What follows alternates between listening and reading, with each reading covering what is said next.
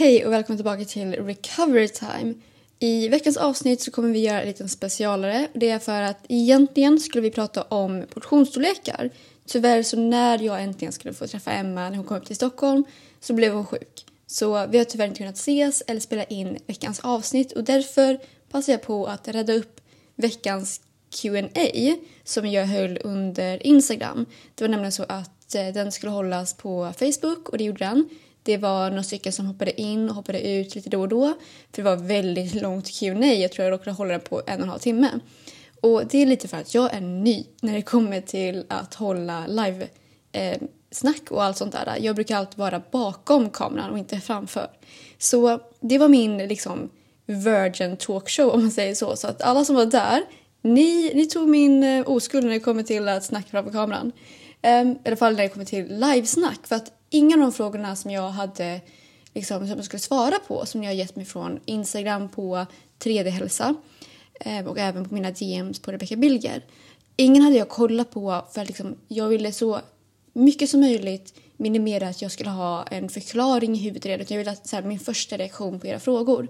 Så jag hade bara sparat ner dem och lagt dem i en bildhög på datorn. Och så läste jag upp allting på plats helt enkelt. Så att allting ni, ni som var med, allt ni hörde var min första reaktion på frågorna. Eh, och nu har jag då haft den här reaktionen, jag har läst frågorna. Så i dagens avsnitt så blir det väl lite mer av en tips och övningar och praktiska saker du kan göra för dessa frågor som ni har ställt till mig.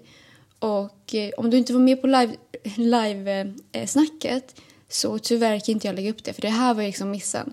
Jag spelar in det här på min mobil. Den blev 18 till 20 gigabyte och jag får inte upp den. Jag får inte över någonstans. Jag har försökt alla medel och metoder som jag kan komma på. Jag har googlat och ingenting har funkat.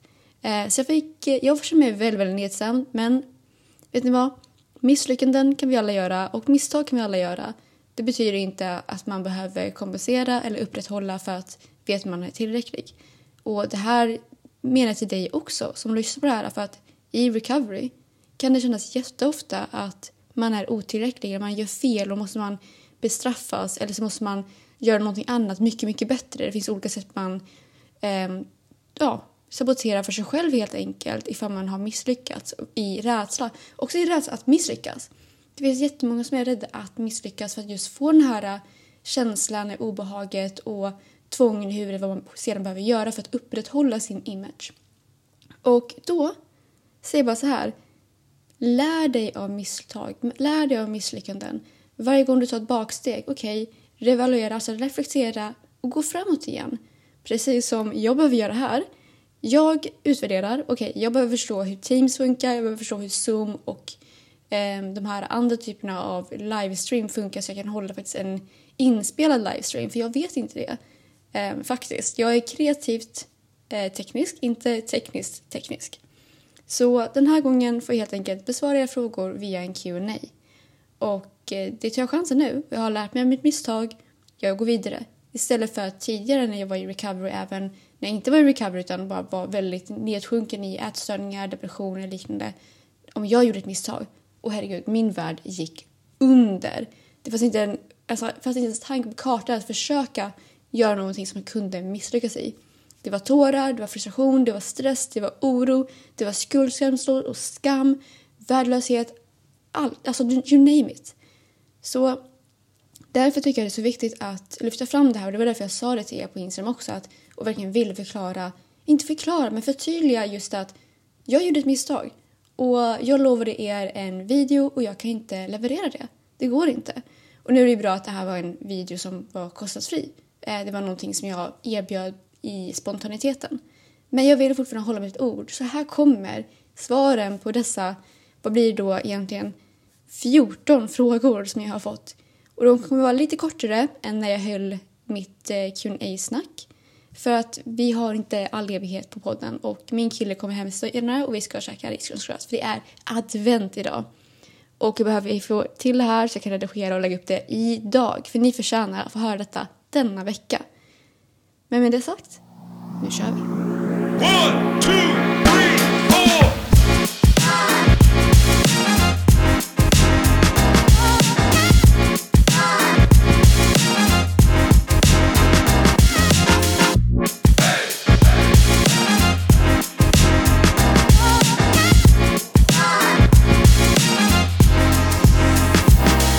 Okej. Jag kommer gå rakt på frågorna och om ni har några fler funderingar så kan ni alltid skriva till oss på 3D Hälsa Instagram eller 123 på Facebook där vi har en stödgrupp för dig som antingen har eh, en ätstörning men inte vågat gå in i recovery eller har gått in i recovery och är under ett recovery men också efter recovery för vi pratar inte bara om kunskap om ätstörningar, recovery, motivation, inspiration där utan också det här med livet efter recovery. Så med det sagt, fråga ett handlar om just ätstörda syner och perspektiv. Så det lyder så här. Ibland undrar jag om det ätstörda synen perspektiv aldrig kommer vara där fast man är fri. Och mitt svar är att det kommer inte vara för alltid. Till en viss gräns. Precis som jag, Emma och Hilda pratade om när vi sågs under retreatet och hade, vi hade julbord och vi snackade. Då började vi snacka helt plötsligt om just att det finns saker vi märker andra gör som är jätteätstört. Till exempel det jag nämnde, det här med att eh, doppa sin gaffel i såsen så man bara får såsen på gaffelns små toppar. Det är jätteätstört för mig. För det är bara, varför tar du inte bara häller såsen över? Eller varför tar du inte bara doppa hela biten där i? Så att man gör en sån här dipp som när man har eh, chicken nuggets. Så att sådana saker kan jag fortfarande se nu efter recovery. Och jag är ju, se, alltså, inte senast ut, men jag är väl den som har blivit frisk eh, senast av alla oss tre. Och det är därför jag inte gör coachning helt och hållet. Utan jag håller på att praktisera lite grann just nu och sen kommer nog coachning komma om ett år för mig. Eh, just för att jag tycker också, precis som Emma Hilda, man behöver distans. Men mitt hjärta ligger verkligen att hjälpa idrottare eh, med ätstörningar och i mental ohälsa. Och med bara träningsfantaster som vill komma tillbaka till sin träning och tävling på hoppnivå också. Men det var inte svar på frågan, det var bara en sidetrack och det vet ni om ni känner mig nu från den här podden. Jag är väldigt enkel att jag går sideways ifall Emma inte är här och håller koll på liksom spåret nu. Men i alla fall, eh, ja. Du kan ha kvar några perspektiv på ätstörda, från ätstörningen. Men skillnaden när man är frisk, alltså fri från ätstörningen, det är att man märker av det i andras beteenden ifall man noterar någonting som man själv har gått igenom. För att har du gått igenom det så kommer du märka det hos en annan. Precis som att om jag gör någonting som var jättestört för Hilda, även om jag gör det för att det är någonting som min familj gör, vi har alltså aldrig alltså, tänkt på det överhuvudtaget, då kan det trigga igång kanske Hilda. Alltså nu menar jag verkligen hypotetiskt, okej? Okay? Eh, Medan om det är någonting som Hilda gör som jag gjorde jättemycket i min ätstörning men som är en jättevanlig grej som man gör i hennes familj. Då kanske det triggar igång mig jättemycket. Så det gäller också att veta, okej okay, men jag triggas av det här för att jag har varit med om det. Eller är det här någonting som jag triggas av för att jag tänker det om mig själv också? För det är också någonting annorlunda från att vara sjuk eller inte vara sjuk. Om jag känner av något perspektiv från ätstörningen är det någonting som jag känner igen från en erfarenhet och inte för att jag ser det i mig själv. Så att om jag känner att till exempel kläderna sitter lite tajtare än vanligt ehm, då kan jag känna mig lite obekväm och känna att till exempel jag hatar verkligen att ta på mig sport-bh och bh överhuvudtaget. Alltså avskyr det. För jag tycker inte om när det är tajt runt eh, bröstkorgen. För att jag tycker, jag vet inte, jag får en instinkt känsla. När jag var ätstörd tyckte jag att det var för att jag var för stor. Jag behövde hitta en så här, jag behövde sjunka ner för att komma in i mina liksom, sportbehov och liknande. Idag, alltså jag har ju liksom köpt nya kläder och allt sånt där. Men idag kan jag fortfarande uppleva det. Och det är mest för att det är en sak som jag reagerar på. Precis som att jag kan reagera när jag har eh, en polotröja på mig och känner att jag kvävs av den och då kan jag inte ha det den dagen. Och det är så här textilgrej som jag bara anpassar mig efter dag för dag. Eh, men det är ingenting som jag känner är fel på min kropp. Utan det är bara ett någonting jag tycker är skönare att slippa. Så att då tar jag bort sport-bhn. Jag sätter inte på mig den. Men det är inte så att jag går sen och kompenserar eller tänker att okay, men nu måste jag börja träna på ett visst sätt för att eh, det här ska passa mig. Utan om det är så att den inte passar mig för att jag känner att men, det här är för liten, då köper jag en ny. Om jag känner att nej, men den här är så himla tight, då tar jag av mig den och sätter på mig något annat som är skönare. Vissa dagar går runt i crop tops, andra dagar går runt i hoodies. Det är helt normalt. Så att det är väl mitt svar på den frågan. Fråga 2. Hur ska man hantera december med alla julbord, julfikor och bjudningar i recovery? Och mitt bästa svar till dig är egentligen lyssna på våra julavsnitt. Och det är avsnitt 2.7, 2.3 från Recovery Time och så har Hilda två stycken julspecialavsnitt. Ehm, det skulle jag säga är en, den bästa vägen att gå för att lyssna på eh, någonting som är väldigt inriktat just mot julen. Eh, men för att ge ett snabbt tips så skulle jag säga kolla på dem som du inspireras av och som du ser upp till. Om det är en kompis, en vän, eh, mamma, pappa, syskon, kusin, eh, faster, moster, farbror, you name it. Kolla på hur de njuter av julen och gör detsamma. Det kan vara lite enklare. För grejen är att när vi ser på någon vi tycker om och tar efter lite, då kan du underlätta. För jag, i alla fall märkte jag det i recovery att om till exempel min kompis tog fika när jag tog fika, det var mycket enklare. Så det kan vara en sak som kan underlätta alla fiken och jul, julbord och bjudningar i recovery under december. Men sen också komma på att om det är någon som inte gör det som du ska vara dit med. Kom ihåg att jag, Hilda och eh, Emma i alla fall. Om du känner att nej men, ingen annan här gör det. Kom ihåg att vi tre gör det. Och om, det, om du inte har någon tanke över så här, men nu är det ingen här som eh, tänker ta en tillgång eller ingen annan här som tänker äta mellis eller ingen annan här som kommer att eh, behöva göra det här och etc. etc. Tänk då på alla andra som gör det precis som du gör. För du är inte ensam i detta. Så jag tror att det är viktigt att just kring julen också förstå att om desto mer du drar dig undan desto längre tid kommer du att komma tillbaka igen i julkänslan och i liksom friheten att bara njuta av julen som du vill ha det. För att det kan vara många som säger att julen, att man önskar tillbaka till julen man var liten när man var tankelös. Man behövde inte tänka eller känna på något annat sätt än det var bara jul. Man firade, man, man hade inga andra tankar om mat eller träning eller vad som helst som är en specifikation i sin ätstörning. Men för att ska återskapa den julen så gå tillbaka till dig själv. Vad var viktigast för dig i julen när du var liten? Så det är en övning jag vill att du, från fråga två, tar till dig själv. Vad är viktigast för dig i julen? Och se till att göra de sakerna. För jag tror att det kommer vara någonting som kommer hjälpa dig under julborden, julfikor och bjudningar. Om det är så att nej, men, jag brukar inte gilla att ta allt med julbordet. Nej, men ta dina favoriter. Gå fem gånger till Jansson ifall det skulle vara så. Jag menar, jag tog nog tre omgångar av sill bara för att det är en av mina favoriter på julbordet. Um, och också för att jag äter inte sill resten av året nästan. Utan det är typ på julen och midsommar. Men det skulle jag säga till den här frågan. Okej, okay. fråga nummer tre. Dina bästa tips för att övervinna rädslan för viktåterhämtning. Det är så bred fråga också. För är det viktåterhämtning för att um, du är underviktig? Är det viktåterhämtning för att eh, du har en obalans i hormonerna? Är det en viktåterhämtning i, liksom, för att du behöver komma upp i fett, eh, om, fettomsättningen? Liksom? Fettomsättning, helt fel ord. Alltså fettprocenten i kroppen. För att jag har behövt göra både viktåtergång, viktuppgång från en undervikt eh, från att jag inte var underviktig men hade för låg fettprocent.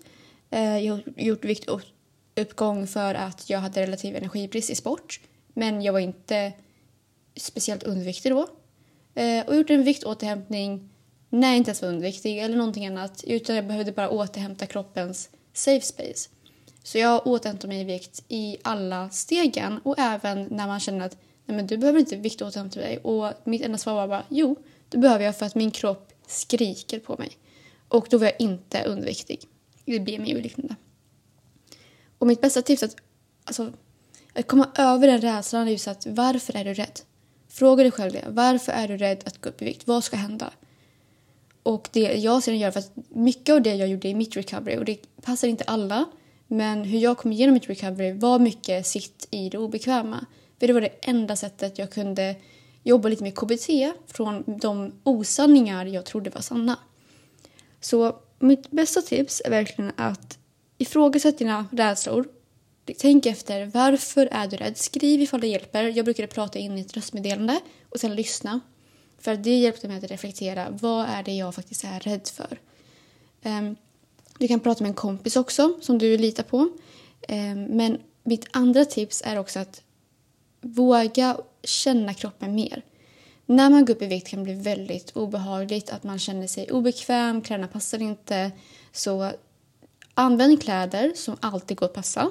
För att det är okej. Okay. Du behöver inte alltid använda kläder som ska vara figurtajta eller liksom vara tajta mot kroppen. Och du får tycka att nej men det är inte skönt just nu. Utan använda, använd liksom lösa kläder med resår eller mjukisbyxor, tights, you name it. Det som du tycker är skönt. För att du går igenom just nu en resa där det ska inte vara stress och ångest kring kroppen utan det ska vara liksom motivation till att ta hand om din hälsa på riktigt och inte genom en ohälsa. För att du får inte hälsa genom en ohälsa. Så första var då alltså att eh, ifrågasätta rädslan. Andra var att eh, våga eh, vad heter det? inte använda kläder du inte tycker om. Så använd kläder som du tycker känns bra mot kroppen och som du känner att men det här kommer inte trigga mig. För det är just det vi ska undvika just nu, att bli triggade. Eh, men också kom ihåg då att för nummer tre, mitt tips nummer tre, det är att om någonting triggar, gå tillbaka till dig, ta hand om kroppen, använd ord som är kärleksfulla. För ord har jättestor betydelse. Ord som du eh, tänker kommer påverka dig för att hjärnan vet inte vad som är falskt eller sant. Så om du tänker att men nu är jag för stor, då kommer du känna dig för stor och du kommer tro att du är för stor. Ehm, eller samma sak om du känner dig för liten. Och det är bara viktigt att hålla koll på tankarna under viktåterhämtning också för att förstå att nu är det dags också att lära sig älska din kropp. För oavsett ifall, alltså desto mindre du blir, desto större du blir. Om du inte älskar den kroppen du har, oavsett storlek, så kommer du aldrig uppskatta den. Det går inte att älska en kropp man alltid hatar. Nummer fyra. Tycker det är jobbigt att vila från träning slash rörelse och ändå äta? Jag kan förstå att du tycker det är jobbigt. Ehm, jag har själv upplevt liknande. Jag kan inte säga att jag har upplevt precis som du har upplevt för vi är olika personer. Men det viktiga här är att fråga dig själv vad är det som är jobbigt? Vad är det som klämmer dig i skon? Är det jobbigt för att du kanske tappar prestationsförmåga? Är det det vad du tror? Eller tror du att du kommer helt plötsligt gå upp massor i vikt? Eh, tror du att din kropp kommer förändras? Eh, tror du att eh, du nu inte kommer kunna orka lyfta saker i vardagen? Vad är det som klämmer i skon som du tycker är jobbigt när du inte får träna men ändå måste äta? Och för det här grejen, träning är en sån liten del av, din, av behovet du behöver varje dag för att överleva. Kroppen har, alltså 80% av det vi behöver om dagen är från bara att kroppen ska må bra. Det handlar inte om hur mycket du rör dig på i vardagen utan det är alla de här andra sakerna att eh, ta hand om kroppen in, inifrån, alltså alla organ, att kunna smälta maten, att kunna hålla upp hela kroppens kroppstemperatur, eh, funktioner, hormoner, att eh, när vi ska prata, gå, röra oss bara liksom vardagligt. Inte alltså att man går ut på en promenad utan bara typ sitta upp, jobba, eh, skriva, prata, connecta med människor, tänka. All den energin. Det är 80 av hela vårt energiintag som vi behöver för att kunna fungera. Så om du sedan då tänker att men, nu tar jag bort träning, det är alltså 20 och helt plötsligt tror att nej, men, nu måste jag ta bort mat. Du sänker dina möjligheter för att fungera optimalt när du tar bort det. Så att oavsett ifall du tränar eller inte, det är inte det som gör att din kropp fungerar det är att du får i dig energi. Energi är det vi behöver för att kunna tänka, för att kunna springa, eh, för att kunna gå till bussen, för att kunna prata med människor, tänka, utvecklas, sova, fungera inuti, hormonbalans, menstruationer, stånd, allt sånt där. Ens lust, om du inte har energi i kroppen, du kommer inte ens kunna finna lust i kroppen heller. Så att det är jätteviktigt att påminna sig om det. Så att hitta vad som är jobbigt och sen påminna dig hela tiden om att det här är jobbigt för att, okej, okay, vad behöver jag jobba för att kunna gå emot det. Om det är jobbigt för att du tror att du inte kommer orka något i vardagen, ta en paus och se vad är det som händer. Notera. För någonting jag också vill förmedla är att ja, ibland behöver man ta break från, från liksom träning. Och det är sant. Tar man en lång break då kommer man inte kunna komma tillbaka och så lyfter man jätte, jättemycket och känner sig superstark. Jag menar, jag tog en break nu, jag slutade på gympa för ett tag sedan och nu tränar jag inte alls som jag brukar göra och jag kan inte alls göra saker som jag kunde på gympan. För att jag tränar inte lika ofta och jag tränar inte på det sättet lika ofta. Vilket gör att nej, jag kommer inte kunna göra allt jag gjorde på gympan. Men jag mår fortfarande bra i kroppen för jag tar hand om den, för jag fortsätter äta. Jag kan gå veckor utan att träna för jag vet att min kropp kommer att må bra, den kommer kunna orka ändå. Men sitter jag nu och slutar äta, då kommer jag aldrig orka gå och träna igen och tycka det är kul. Då kommer det bara bli en ond cirkel, så kommer jag hamna bakåt liksom. Fråga 5. Hur vågar man berätta för tränaren vad som pågår? Jag vill men samtidigt inte för i så fall måste jag sluta lyssna i såna här eh, kaninöron. Men också för att jag kanske förlorar gympan att få träna. Får bara att panik att tänka på det. Men jag orkar inte. Jag är så jäkla trött på träningarna och blir alldeles matt. Hur vågar du... Jaha, och blir alldeles mätt. Förlåt, jag eh, sa fel. Hur vågade du berätta första gången du blev sjuk? Vilket tips som helst uppskattas. Och jag är jätteledsen att detta är någonting du behöver gå igenom. Ehm, det viktigaste är faktiskt att prata med din tränare. Men också veta att tränaren är inte din terapeut. Kommunikation är nyckeln och jag hade en tränare som var riktigt duktig att prata med mig med kommunikation. Även för jag kunde tycka det var jobbigt. Jag sa precis vad som triggade mig. Jag sa hur jag reagerar i olika liksom, situationer, vad jag hade för rädslor. Jag berättade allt för henne. Och det var just för att jag behöver ha en tränare som vet min bakgrund. Så att om jag mår dåligt kan den säga, vet du vad? Nu sätter vi oss ner. Och det ska inte hända hela tiden. Om det händer på en veckobasis, då är det dags att plocka bort träningen lite grann. För att rätta ut, okej okay, det är någonting som inte liksom, är bra hos mig just nu. Jag måste vila och återhämta mig. Um, så att jag tror det är jätteviktigt att prata med din tränare. Och mitt största tips är just att vara så öppen som möjligt. Som du vågar vara. Är det obehagligt som en kompis eller lagkompis som känner att det här är någon som jag litar på och som kan stötta mig i detta. Men också ta och ha en behandlare, att din behandlare och din tränare har bra kontakt. Så att din tränare kan gå till din behandlare och fråga hur det är. För att ibland så kan det vara lättare än att säga rakt i ansiktet hur det ligger till. För helst vill man bara säga nej men det är bra. Både liksom i ett ätstörperspektiv där man inte vill säga för man har liksom börjat backa. Men också i ett eget perspektiv att man inte orkar prata om det.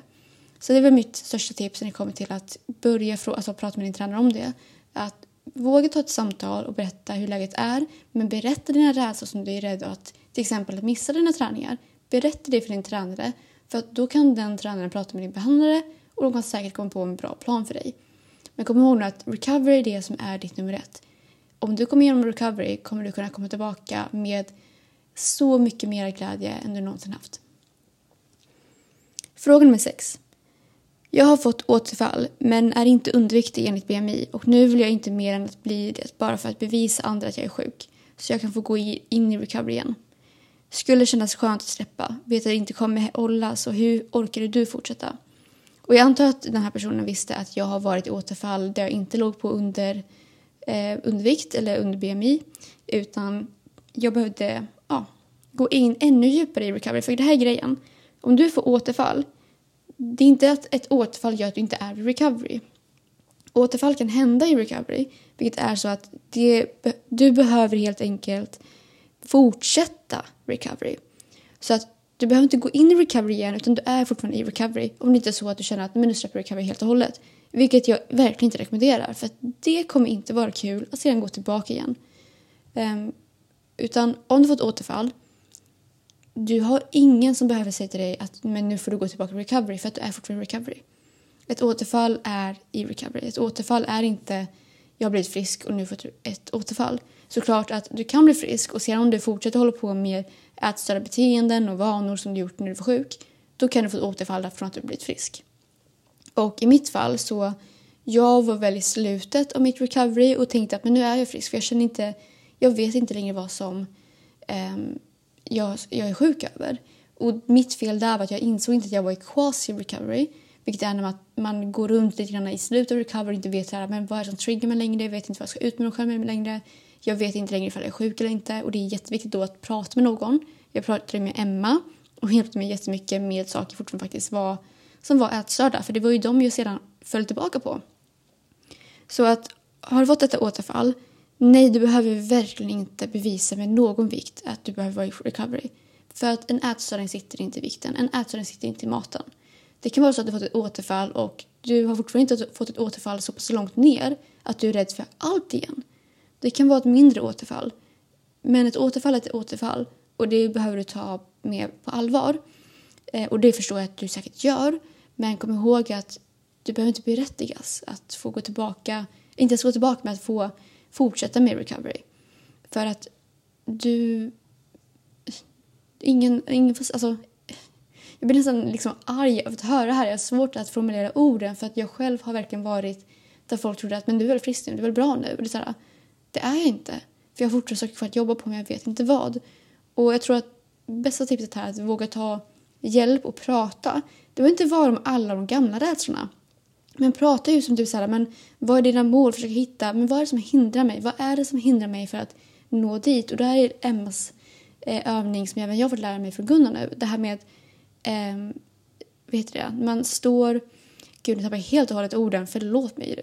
Men det är en övning där du går från nuläge till önskat läge. Så frågar du själv, vad är ditt önskeläge? Och sedan så kollar du tillbaka, okej, okay, hur kommer jag till mitt önskeläge? Tänk dig att det finns, vi säger tio steg. Vart av de här tio stegen står du? Och sedan så vill jag att du lägger ut en siffra som du vill gå till först. För att gå från 1 till 10, det är inte realistiskt. Men att gå från 2 till 4, det kan vara realistiskt. Så sätt ut dig själv, vart är du nu? Vart vill du gå? Och vad är det som hindrar dig för att komma dit? Sen är det mycket mer bakom denna övning så att jag skulle verkligen rekommendera att slå signal för en konsultation så att vi verkligen kan jobba ut det här för dig. Men det ska jag säga, våga se vad mitt önskeläge och vad är som hindrar mig just nu. Nummer sju. Min stora syster har ätstörningar och jag vet inte vad jag ska göra. Jag vill bara vara där men hon gör mig galen. Jag vill inte bli som henne men hon glor jämt. Jag vill bara ha tillbaka henne som hon var innan. Saknar att umgås med henne. Hur gjorde din syster?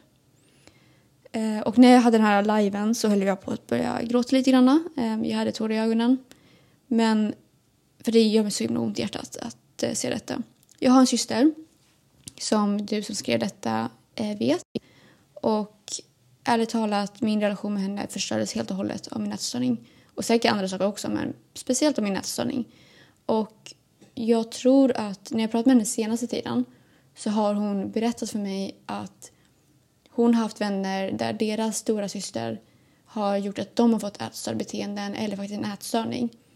Men hon gjorde helt tvärtom. Hon började se mat som någonting som, som det är. Kultur och att njuta av det, att smaka att uppleva. Det blev hennes sätt och jag är så fantastiskt stolt över att ha en syster som är så stark att stå emot yttre sammanhang. Um, och jag är så glad att hon inte följer mina fotspår. Det hade krossat mitt hjärta. Men till dig som har en stor syster som går igenom detta. Jag skulle nog faktiskt tipsa om att våga berätta det för henne. För jag önskar att min syster faktiskt hade pratat med mig när jag var sjuk och berättat hur mycket hon saknade mig. Eller hur mycket hon tyckte att den här ätstörningen förstörde vår relation. Och så att jag fick faktiskt inse att vad jag gör mot mig själv gör att jag kommer längre och längre ifrån min syster, vilket jag inte vill göra.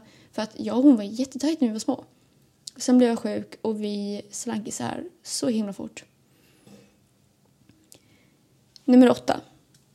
Jag har haft problem med mat men kan fortfarande verkligen inte identifiera mig med ätstörning. Däremot kanske dåliga vanor. Lyssna på din och Emmas podd häromdagen nämligen och kände igen mig i vissa saker och undrar är det ätstörning att inte äta frukost när du ska tävla men mår illa av nervositet? Har du haft så? Är jag ätstörd eller är det normalt? Ser massa andra som inte äter frukost när vi ska iväg och tävla. Först och främst från ett coachens perspektiv. Detta är inte bra. För att om du ska tävla så behöver du få i dig energi så du orkar prestera. Däremot så behöver jag berätta att ja, det finns atleter som är så nervösa att de mår illa på, illa på morgonen och kan inte äta. Men däremot en frisk atlet som får detta ser till att packa med sig snacks och extra mellis och ta med sig som typ två, tre frukostar till tävlingen för att kunna småäta under hela dagen för att kunna få i sig energi helt och hållet. Även i en ätstörning så blir detta en ursäkt att inte äta. Och då när man tar med detta så stänger man det eller så äter man inte.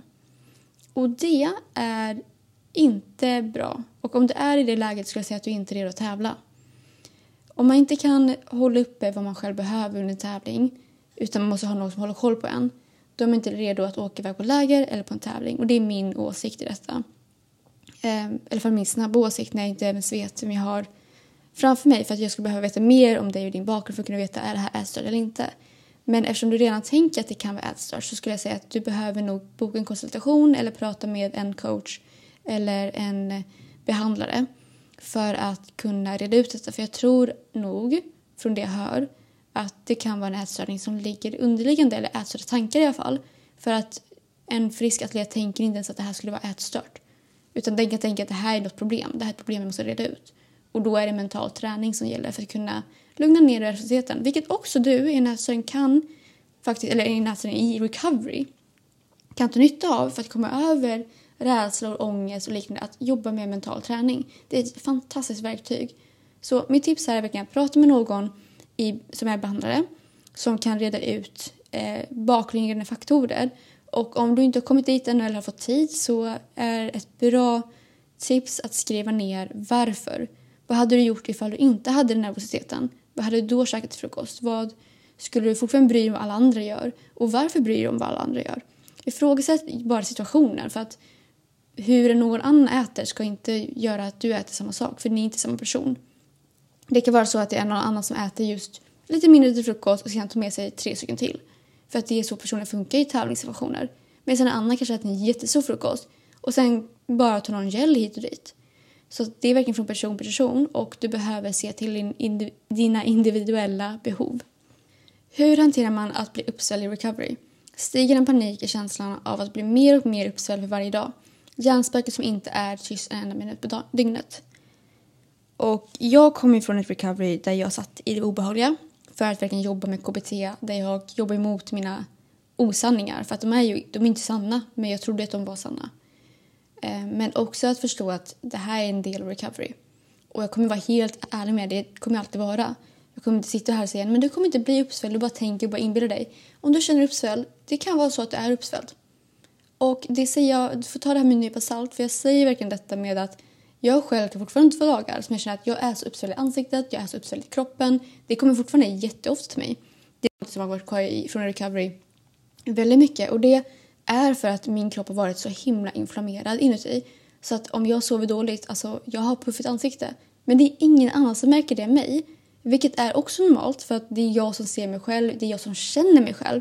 Jag kan ju känna ifall jag känner mig puffig runt ögonen, trött och liksom att jag känner att min kropp är inte lika liksom inte lätt som i vikten nu utan lätt som i att så här, jag orkar springa vart jag vill. Utan jag känner mig så här, trött och tung i benen, att jag inte orkar riktigt ställa mig upp. Jag känner mig kanske inte återhämtad. Och då ska man ju verkligen inte gå och träna för då kommer det bara att på, alltså, påskynda informationer och sätta ännu mer liksom, stress och eh, känslan att man är uppblåst i kroppen. För att det är också något som händer när man styrketränar i början. Man kan bli ganska uppblåst just för att det är så mycket vätska som samlas kring musklerna. Och det är normalt. Eh, och det är något som händer väldigt mycket ifall man tränar väldigt ofta. Att det inte riktigt får lägga sig heller. Men när det kommer till uppställhet recovery. Jag har haft moonface med frasen som ofta används på sociala medier. Och jag brukar inte gilla att använda sociala mediefraser men jag tror att många kan identifiera sig då vad det här är för någonting.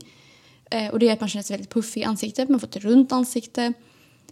Och det är någonting som händer väldigt många, inte alla, men väldigt många kan gå igenom recovery och även relativ energibrist i sport och bara viktåterhämtningar eller återhämtning från eh, eh, hormonbalans som har varit obalanserad. Eller om man har problem med magen och får information där. Alltså, uppsvälldhet kan hända, men även efter recovery. Du kan bli uppsvälld för att du har mens, du kan bli uppsvälld för att du är stressad, för att du dricker för mycket kaffe på morgonen kanske, du sover ordentligt. Jag menar, jag blir fortfarande upps, liksom uppsvälld i kroppen även ifall det är så att jag har skött sömnen, jag har skött alltihopa men jag får mens. Då är jag uppsvälld i magen och det känns inte kul. Jag brukar ha typ mjukisbyxor bara för att det ska inte klämma åt för det gör ont. Och för mig är det normalt för det är så min kropp reagerar på informationen som sker vid menstruation. Och jag tänker inte på det utan jag bara vet att okej okay, men nu är min mens här liksom. Jag ser till att jag tar hand om kroppen, jag ser till att inte köra högintensiva träningar för att jag vill inte få mer information i kroppen och känna att jag inte orkar liksom göra min vardag som jag ska göra. Men också för att jag vill komma ner i varv. Jag vill ta hand om min kropp så mycket som möjligt och hjälpa den igenom perioden som den har denna information. Eh, och nu menar inte jag att mens är information utan det som händer under mensen kan för vissa gör att man kan bli uppsvälld. Så att mens är en jätteviktig sak att ha. Ehm, och man kan faktiskt få bort också uppsvälldhet under mensen men det är inte någonting vi kommer att lyfta i det här avsnittet. Ehm, men till dig som känner att det är jättejobbigt att hantera. Kom ihåg att det är under recovery och desto fler gånger du går ur recovery och tänker att men jag går tillbaka till min lägre vikt för då var jag i alla fall inte lika uppsvälld. Du kommer troligen fortfarande känna dig uppsvälld när du går ner i vikt också för att informationen kommer ändå ske. Så den enda saken som förändras är att du blir uppsvälld när du är mindre. Men, och då kanske man kan tänka, nej men det är fortfarande skönare. Ja, men tänk den dag som kommer när du är trött på att leva med ätstörning och vill faktiskt ta dig ur det. Då kommer du få gå igenom det här en gång till. Så att det här får man ta med en nypa salt. Som sagt, jag, jag kan vara ganska hård i detta och jag tror det är för att jag precis kommit ut Jag känner bara så här, men kör på, våga, bli frisk. Det för, alltså, jag kan bara inte beskriva hur fantastiskt det är att vara fri från detta. Så det kan vara därför jag är ganska hård, för jag vill bara så här, förstå konsekvenserna. Så att det jag menar med kärlek verkligen är att om du fortsätter gå bakåt och inte vågar sitta igenom uppsvälligheten, den kommer inte försvinna.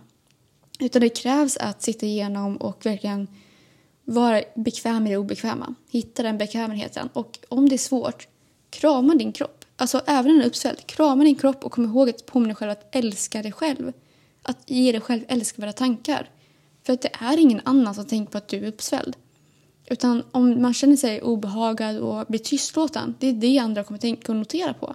Varför är du så tyst? Varför pratar du inte med mig? Varför vill du inte umgås? Varför vill du inte skratta och liksom gå och bada och simma eller liksom gå och shoppa eller gå på bio? Och det är just det när man är ätstörning, att man blir så väldigt egocentrisk, inte egoistisk, men egocentrisk för att man känner att allting kretsar om, om sig själv. Att man inte hinner med att tänka på omgivningen och tänka på sina närmaste vänner. Så att om det här är jobbigt och hjärnspökena kommer dygnet runt och du känner att paniken bara växer. Andas. Att stressa upp dig kommer bara göra det värre. Och det är lätt att säga, svårare att liksom förstå. Men min övning till dig är verkligen att använda meditering. Och någon som jag hade mycket liksom, stöd i när jag gick igenom detta, det var eh, Stephanie Butmore på Youtube. Hon gjorde en all-in recovery från att hon har varit en fitnessperson. eh, eh Och hon gjorde detta all in och hon gick igenom en jättestor eh, fysisk förändring som hon upplevde var jättejobbig. Och sen kom hon till sin setpoint, vilket jag och Emma har pratat om i tidigare avsnitt. Så eh, våga, våga sitta i det obehagliga. Kolla på Natalie, nej Natalie, um, Stephanie Butmore um, ehm, och älska dig själv. För att oavsett ifall du uppsvär eller inte, det är vad du gör som kommer att märkas, inte hur det ser ut. Och om någon tittar på dig på hur du ser ut, då är den personen inte värd att behållas. Och Uppsvälligheten kommer försvinna.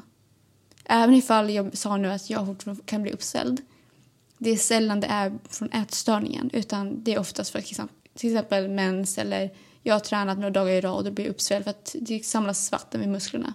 Så att det är ingenting längre som de reflekterar över så det kommer försvinna och jag vet själv att mitt försvann kanske efter när jag verkligen hade kommit upp till en vikt som min kropp var van vid och då kände jag att nu är jag trygg och belåten. Då försvann uppsvälligheten efter typ två månader. Men det tog längre tid desto längre jag drog ut på det. Desto längre jag drog ut på min återhämtning i kroppen desto längre tid tog mig för mig att få bort uppsvälligheten. Och du behöver inte ha tajta kläder på dig. Sätt på dig det som är skönt. Det gjorde jag. Jag fick slänga säkert hela min garderob nästan när jag behövde byta kläder och det var jättejobbigt men också väldigt skönt att bara känna att ja, nu slänger jag detta, eller slänger jag inte, jag gav bort det, jag skänkte bort det. Men det var skönt för jag kände att nu kliver jag in i mitt nya liv, mitt nya jag. En person som jag älskar och som kommer fortsätta kunna älska mig själv i vilken säsong som än kommer. Långt svar och vi går vidare till nästa fråga. Nummer 10. Hur vet man när ätstörningen talar och när utmattningen talar? Och jag antar att du har en utmattning nu när du är ätstörd och då skulle jag säga att jag inte riktigt vet så mycket hur jag besvarar frågan helt ärligt. För det var, jag behöver lite mer, jag behöver veta, känna dig lite mer. Men mitt bästa tips, för jag har varit också utmattad och eh, jag sjönk ner i ätstörningen ännu mer när jag var det för att jag hade ursäkten. Att men jag är trött, men jag har ingen aptit, jag är så utmattad. Och det som Emma berättade för mig när jag sa detta, när jag liksom började gå hos henne för länge sedan. Eh, det var ju så här, men vad är det för ursäkt? Bara för att du är trött så behöver fortfarande din kropp mat. Och det var som jag nämnde förut att 80% av den energi vi behöver eh, bara för att kroppen ska fungera. Så att bara för att du är trött så betyder det inte att du inte behöver energi. Om du ligger i koma så behöver du fortfarande massa energi. Och då gör man verkligen ingenting med kroppen. Så att du kan verkligen tänka dig att bara kunna komma ut ur detta kommer behöva energi. Och speciellt med en utmattning. För jag tror att det är så under, alltså underskattat hur mycket energi och återhämtning man behöver för att ta sig igenom en utmattning. Men även liksom, alltså utmattning överhuvudtaget. Alltså det är så mycket mer man behöver. Och då menar jag inte så här, ah, nu, nu måste du gå och göra så här utan jag bara menar att för att komma ut ur en utmattning det krävs månader av att bara vara snäll mot sig själv och låta sin kropp återhämtas. Att så här, motivation och drivkraft till att göra någonting, det ska nästan kännas som att det kommer från magen och inte från huvudet. Inte från frontalgloben där man har pannbenet och eh, disciplinen utan från binjurarna. Det, alltså, det de producerar ska kunna ge dig drivkraft att vilja göra saker. När, det, när du känner det, och då känns det liksom att det kommer från kroppen, det, det kommer kännas lätt, det kommer kännas alltså, frigivande. När det kommer, det är då man har börjat återhämta sig från utmattningen. Men om du fortsätter lyssna på ätstörningen och du låter tanken att Nej, men jag är utmattad, jag orkar inte, jag är trött. Eh, jag är trött så att jag kommer bara ligga och sova idag, jag kommer inte behöva käka. Nej, men jag vaknar så sent så jag käkar inte frukost. Alltså du gör ju inte dig själv en... Alltså du gör ju dig en björntjänst helt enkelt. Ehm, så att våga hålla rutinerna. Precis som Emma och Hilla säger väldigt ofta att oavsett ifall du eh, är sjuk eller du är en utmattning, det är jul eller högtider, håll dina rutiner. Våga hålla frukost, lunch, mellis, middag, kvällsmål ifall du äter så.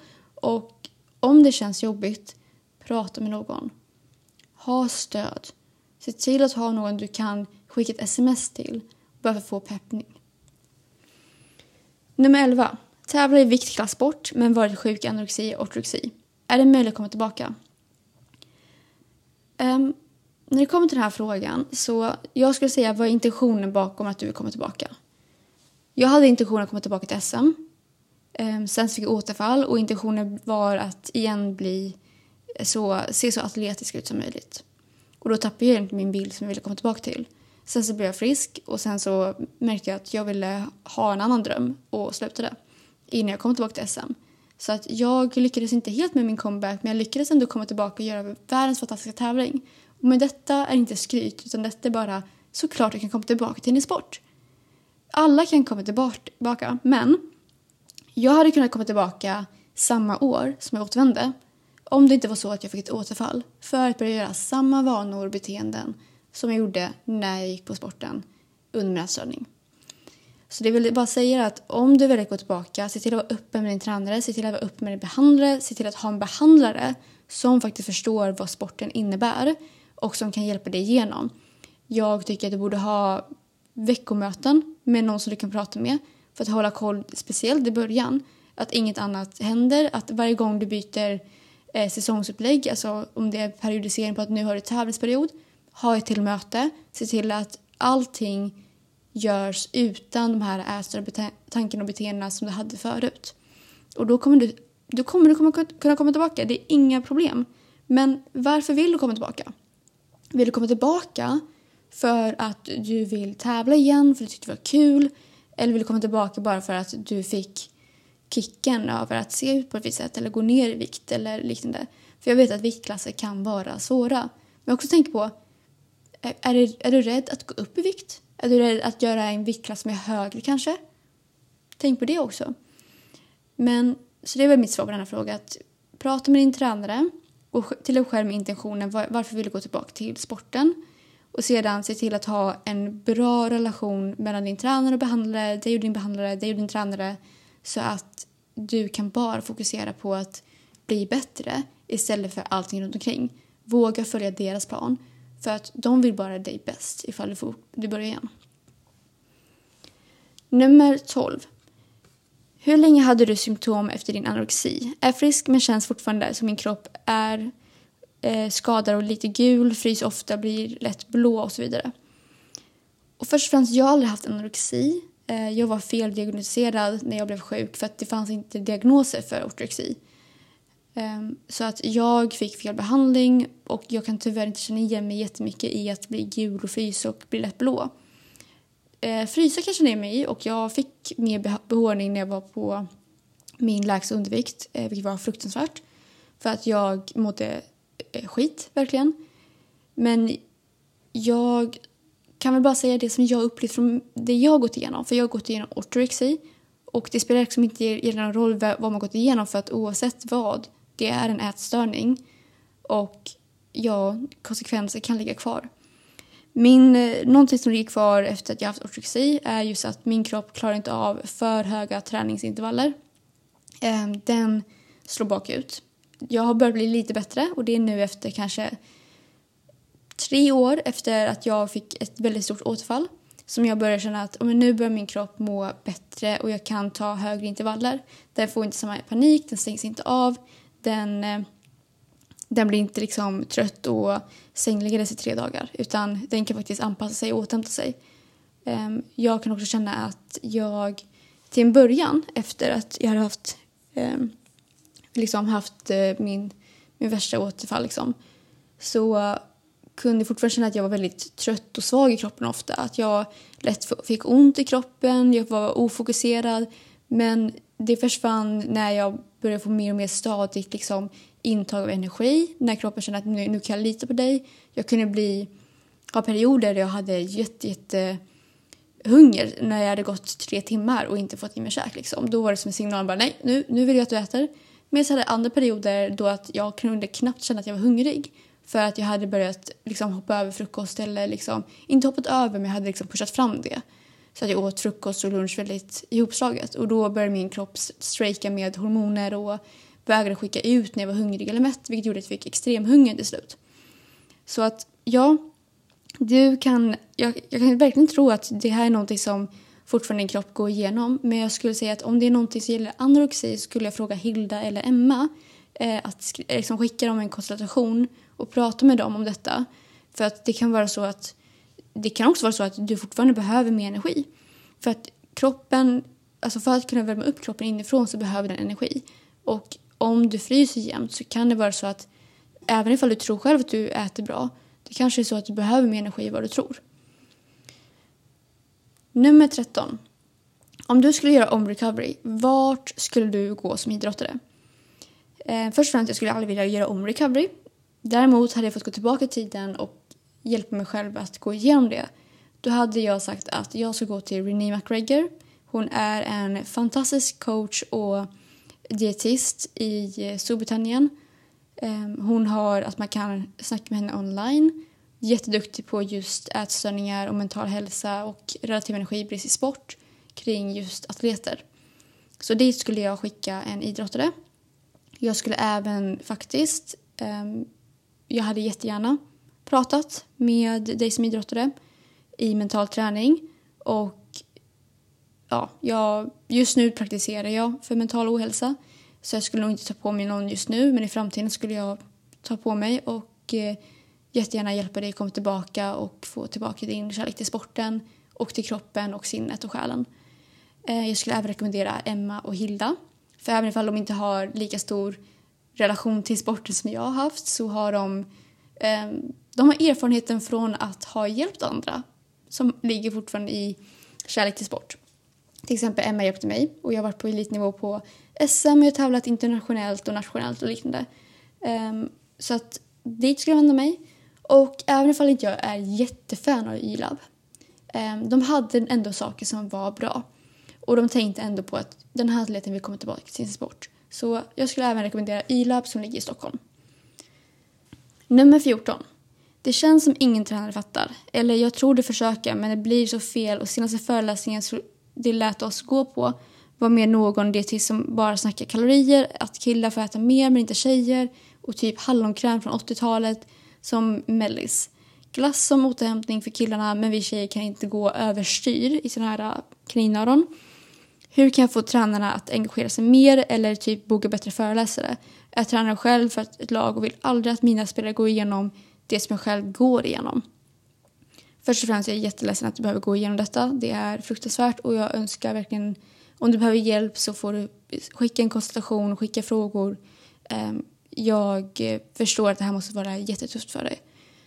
Och eh, för det andra då, jag tror nästan vi kanske har haft samma dietist som kommit och pratat. För jag hade en dietist när jag gick på eh, gympan som kom och där märkte faktiskt våra tränare också att det här, det här är något konstigt. Här, vad tyckte ni atlet om det här? Var det här givande? Och det var jättemånga som bara så här, eh, jag mår sämre nu efter den här eh, föreläsningen än vad jag gjorde innan. Jag känner inte mer kunskap utan jag känner att jag har typ restriktioner. Så att jag förstår att en dålig föreläsare kan verkligen väcka negativ bild till kropp, träning och behov för att detta stämmer inte. Ehm, I alla fall inte på det sättet man behöver uttrycka sig.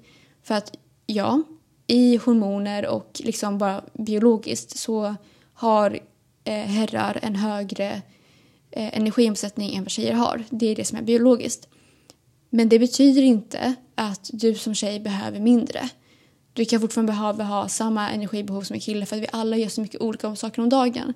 Så att det är därför det är så viktigt att kolla på sig själv och inte kolla på killen bredvid dig eller killen du är ihop med. För att du kan gå igenom saker och liksom ha ett arbetsliv eller vardag där du behöver faktiskt mer energi än vad din kille behöver. Och det kan du inte veta om du hela tiden kollar och jämför med andra. Eh, men om du vill engagera dina tränare så låt dem följa oss på 3D Hälsa på Instagram. Eh, skicka oss ett DM för föreläsningar. Jag ställer jätte, jättegärna upp och pratar om relativ energibrist och mental träning i sport. Det är liksom mina två specialiteter. Emma är jätteduktig på kvinnohälsa men även hormonbalans, eh, holistisk hälsa. Hilda har också jättemycket kunskap till relativ energibrist, matfrihet. Så att vi kommer jättegärna och föreläser om det är så att eh, det, det finns möjlighet för det. För att det här är ett problem som jag ser jättemycket i sport. Det är så många föreläsare som kommer och pratar väldigt gammal, gammalt tänk kring kost och hälsa där man tror att dessa atleter ska själva veta vad de behöver på ett väldigt kalkylerat sätt. Och det är väl så här, det, för vissa så funkar det och det blir ingenting. Men för väldigt många så leder det till en ätstörning eller restriktiva tankar och beteenden. Och det finns så många andra sätt man kan göra detta på för att få en relation till kropp och hälsa som även gör att man kan prestera och må bra.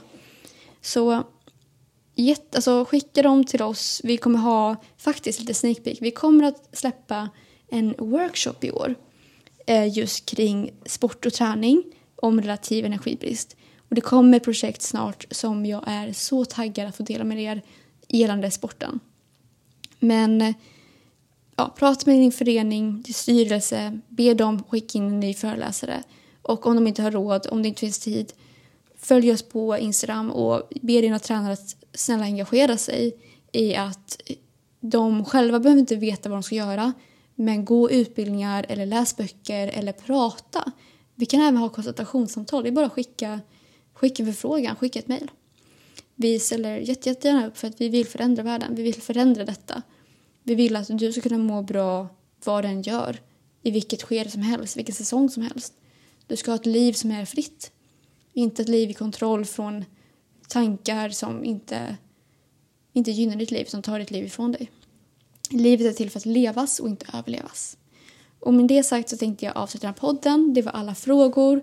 Tack så mycket för att du lyssnade och ha en fantastisk eh, andra advent så hörs vi i nästa poddavsnitt. Puss och kram!